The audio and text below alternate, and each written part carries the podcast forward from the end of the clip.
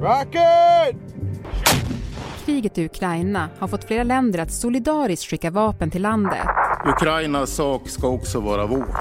Men nu varnar både tullen och polisen för att vapnen kan hamna i händerna på svenska kriminella. Here, the military are handing out guns to anyone who wants to join the fight. According to the Ministry of Defence, 18,000 machine guns have been handed out to Kiev volunteers. På en kvart får du veta hur smuggelvägarna in i Sverige ser ut och om Ukraina kommer bli det nya Balkan. Det är tisdag den 28 juni. Jag heter Alexandra Karlsson och det här är dagens story från Svenska Dagbladet.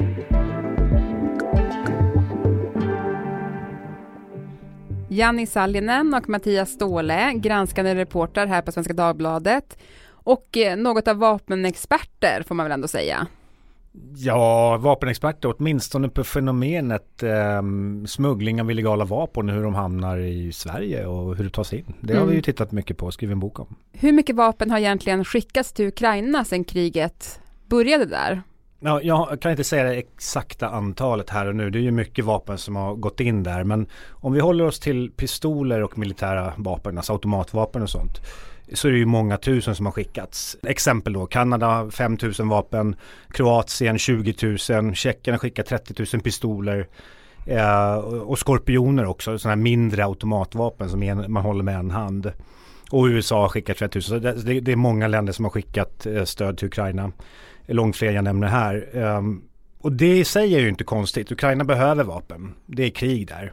Eh, men det är också bra att förstå när man tittar på de här vapenmodellerna som kommer dit så är det vapen som vi också ser hos kriminella gäng här. Så här i Sverige finns ju redan den här marknaden för den här vapentypen. Så det är bra att veta. Ganska många av de här lite enklare militära vapenmodellerna som eh, andra länder gärna skänker till Ukraina. Det är exakt den typen av vapen som de kriminella efterfrågar allra mest. Mm. Ja, men, och ni har ju bevakat kriget sedan det bröt ut i februari, men, men nu kan ni ju då berätta om en annan konsekvens av kriget som handlar om det här och som då rör Sverige. Berätta. Ja, det, det, första är ju egentligen att det vi har sett nu att det är polisen och tullverket har ju faktiskt liksom flaggat nu för oss att, eh, eller för oss, eller vi, har, vi har frågat dem, jag har begärt en, så här, kan ni göra en analys av läget, vi vill gärna se vad som händer. Eh, och där är det nu egentligen, man har signaler bland svenska kriminella i underrättelseflödet som diskuterar vapen från Ukraina.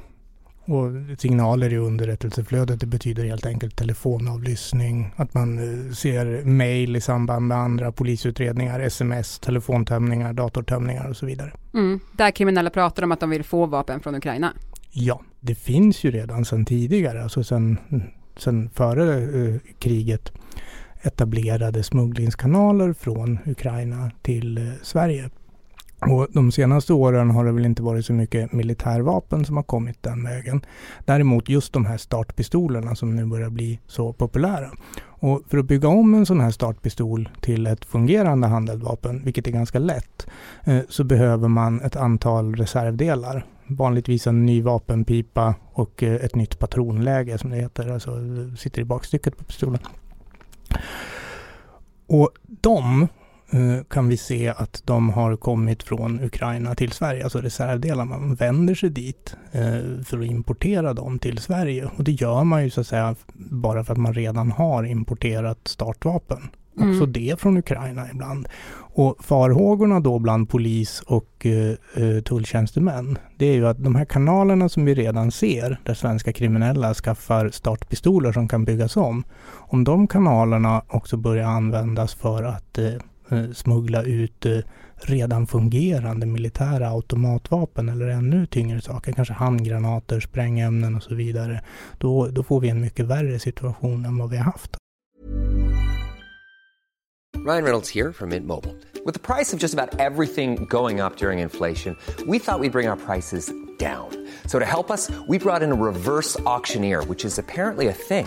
Mint Mobile unlimited premium wireless. Ready to get 30, 30, bit to get 30, bit to get 20, 20, 20, bit to get 20, 20, bit to get 15, 15, 15, 15 just 15 bucks a month. So, Give it a try at mintmobile.com/switch. slash $45 up front for 3 months plus taxes and fees. Promo rate for new customers for limited time. Unlimited more than 40 gigabytes per month slows. Full terms at mintmobile.com.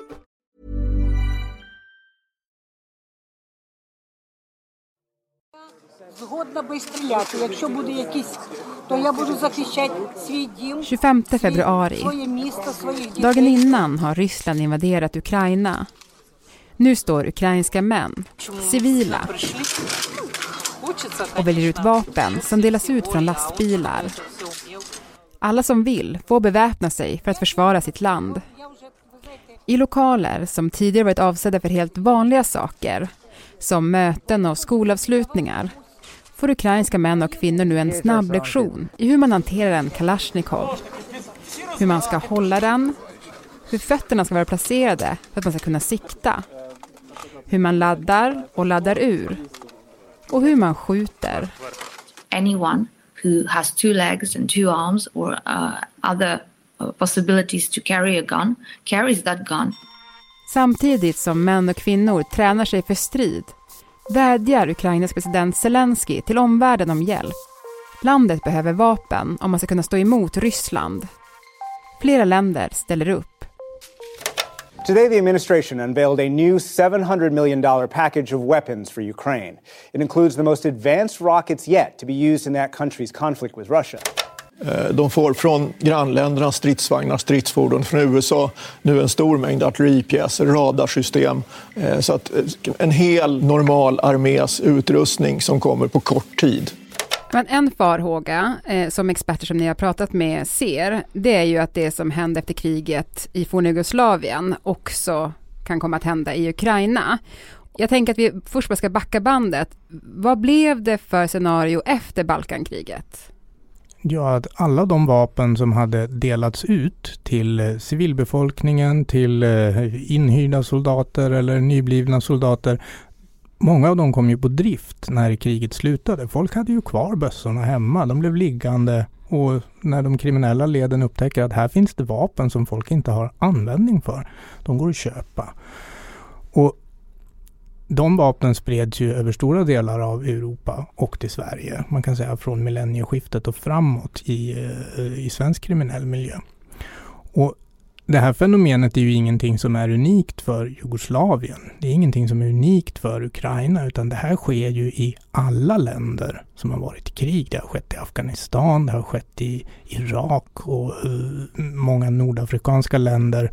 Och det som skiljer Ukraina från många av de andra länderna vi har nämnt, det är just närheten till EU och den lätthet med vilken man kan frakta saker från Ukraina rakt in i Polen och vidare upp i Europa. Och vi har ju alla sett på, på bilder hur man har delat ut vapen till de som ska strida i Ukraina. Vi har skickat enormt mycket vapen andra länder för att Ukraina ska kunna försvara sig. Så det är ju, det är ju mycket vapen som kommer vara i omlopp.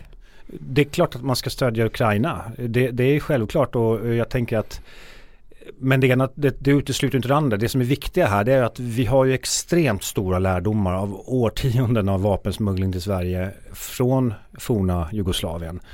Det finns eh, polissambandsmän, svenska polissambandsmän där nere och eh, problemet är att då, det, det, har liksom varit interna eh, problem hos polisen där man har liksom internt pekat ut att vi klarar inte av, vi bakåtspårar aldrig vapen.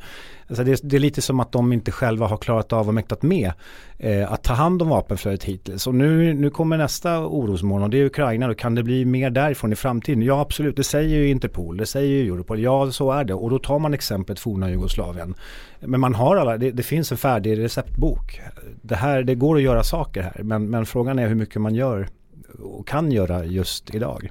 Mm man har facit på hur det ser ut och man skulle kunna... Ja, absolut. Jag tycker det. Man, man, man kan se, eh, man, man, har, vi har sett, jag vet inte hur många ärenden där vi har sett eh, lastbilschaufförer eller alltså alla varianter. Du tar en liten Citroën proppar den full med eh, vapen och tar ut lite delar och så bara kör över gränsen, över Öresundsbron in i Sverige. Om vi nu bortser från postflödet så är det ju den smugglingsvägen det går. Turistbussar, lastbilar, personbilar är, man vet hur det här fungerar. Plus att vi har ju lokala sambandsmän i, eh, i, på, på Balk, västra Balkan. Och då är frågan så här, eh, när ska svensk polis etablera en sambandsman i Ukraina?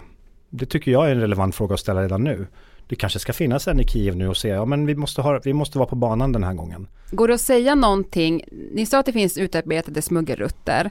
Går det att säga någonting om hur resan ser ut för ett vapen eh, som smugglas från till exempel östra Ukraina till Sverige? Det enkla svaret på den frågan är att man lägger vapnet, eller snarare vapnen, i en bil och kör dem norröver. Till Europa, kanske vidare till Sverige. Ja och sen har vi ju, alltså Ukraina gränsar ju till Moldavien, eh, Ungern, Polen. Det är ju steget in i EU, det är väldigt nära. Och det, det är inte så att Eh, alltså va, nu är farhågorna för Interpol och Europol att, att det här kan komma att bli ett stort framtida problem. Det är det man ser nu. Men då ska man komma ihåg att också att tittar man tillbaka till 2014 i Ukraina, i östra Ukraina, det pågått stridigheter. Så var det här ett problem som polska gränspolisen uppmärksammade då. Vi ser att det kommer över vapen över gränsen. Eh, det här, så att det här är, alltså smuggelrutterna in i EU, det är, bara, det är bara en gränsövergång. Och när du väl är inne i EU, som Mattias säger, med en bil till exempel, då är det bara att köra. Fri rörlighet, öppna gränser. Och det är ju så det har gått till i andra ärenden. Utöver det så har vi ju då, det fallet vi har tittat på, så har du även post och kurirflödet. Och där är det ju hundratusentals, eller jag kan inte andelen paket som skickas varje dygn, men det är ju enorma mängder som det skickar en vapenpipa där, skickar en pistol där det funkar. Det är den här myrtrafiken som polisen säger till oss. Att, eh, det är svårare att kartlägga eh, om det är, säg att du har tio individer i Sverige som samtidigt beställer oberoende av varandra i olika postflöden. Det är svårare än att spräcka en liga som tar in flera hundra vapen för då kan du komma åt dem eh, straffmässigt framförallt. Eh. Mm. Vapendelarna är svårare helt enkelt. Ja, och gaspistoler som du ju beställer via postflödet. Det är bara att gå ut och, gå ut och köpa. Det är det som är problemet. En turkisk gaspistol från till exempel Tjeckien. Ja, tilläggas kan, det är bara att gå ut och köpa det i ganska många EU-länder men inte i Sverige. För här är de licenspliktiga på samma sätt som, som vanliga pistoler.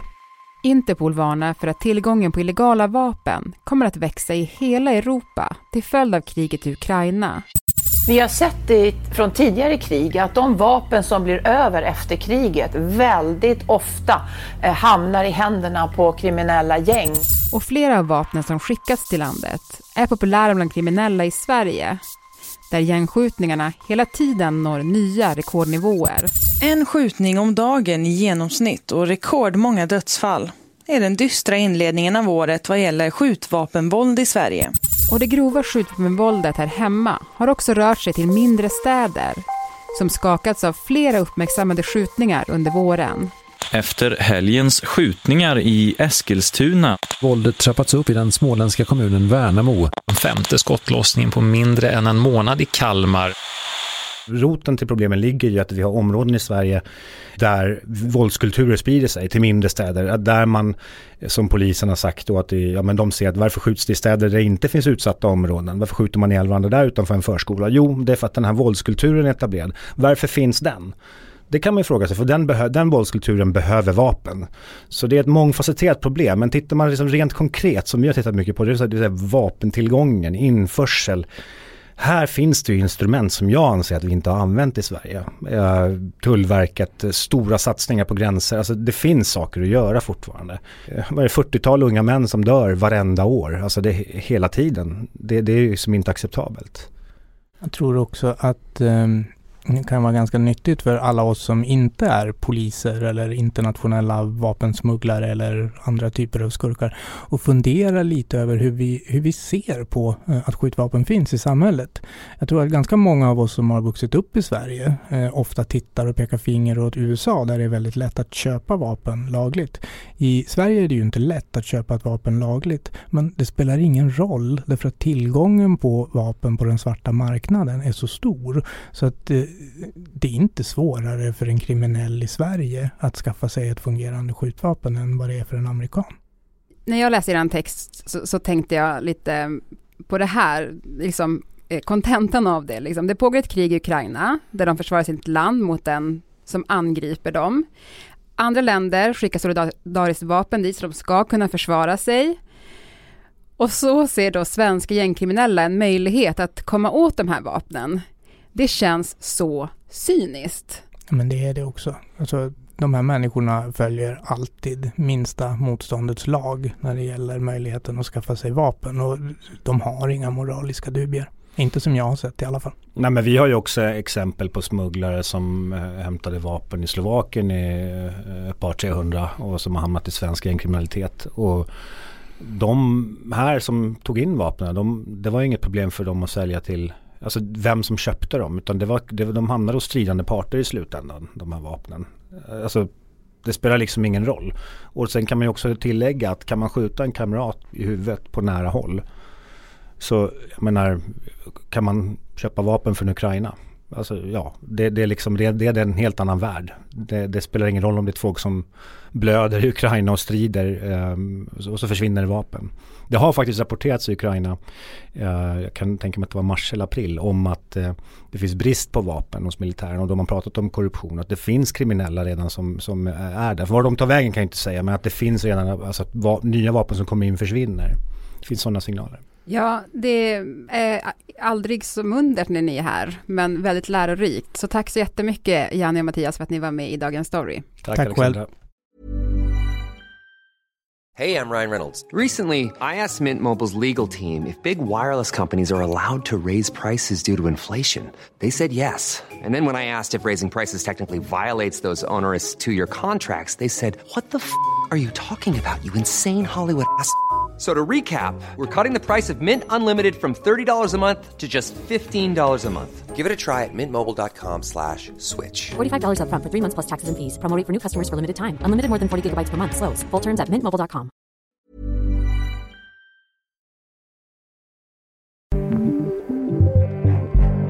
Vi som gjorde programmet idag är producent Elin Romeliotto, redaktör Theresa Stenler von Matern och jag heter Alexandra Karlsson.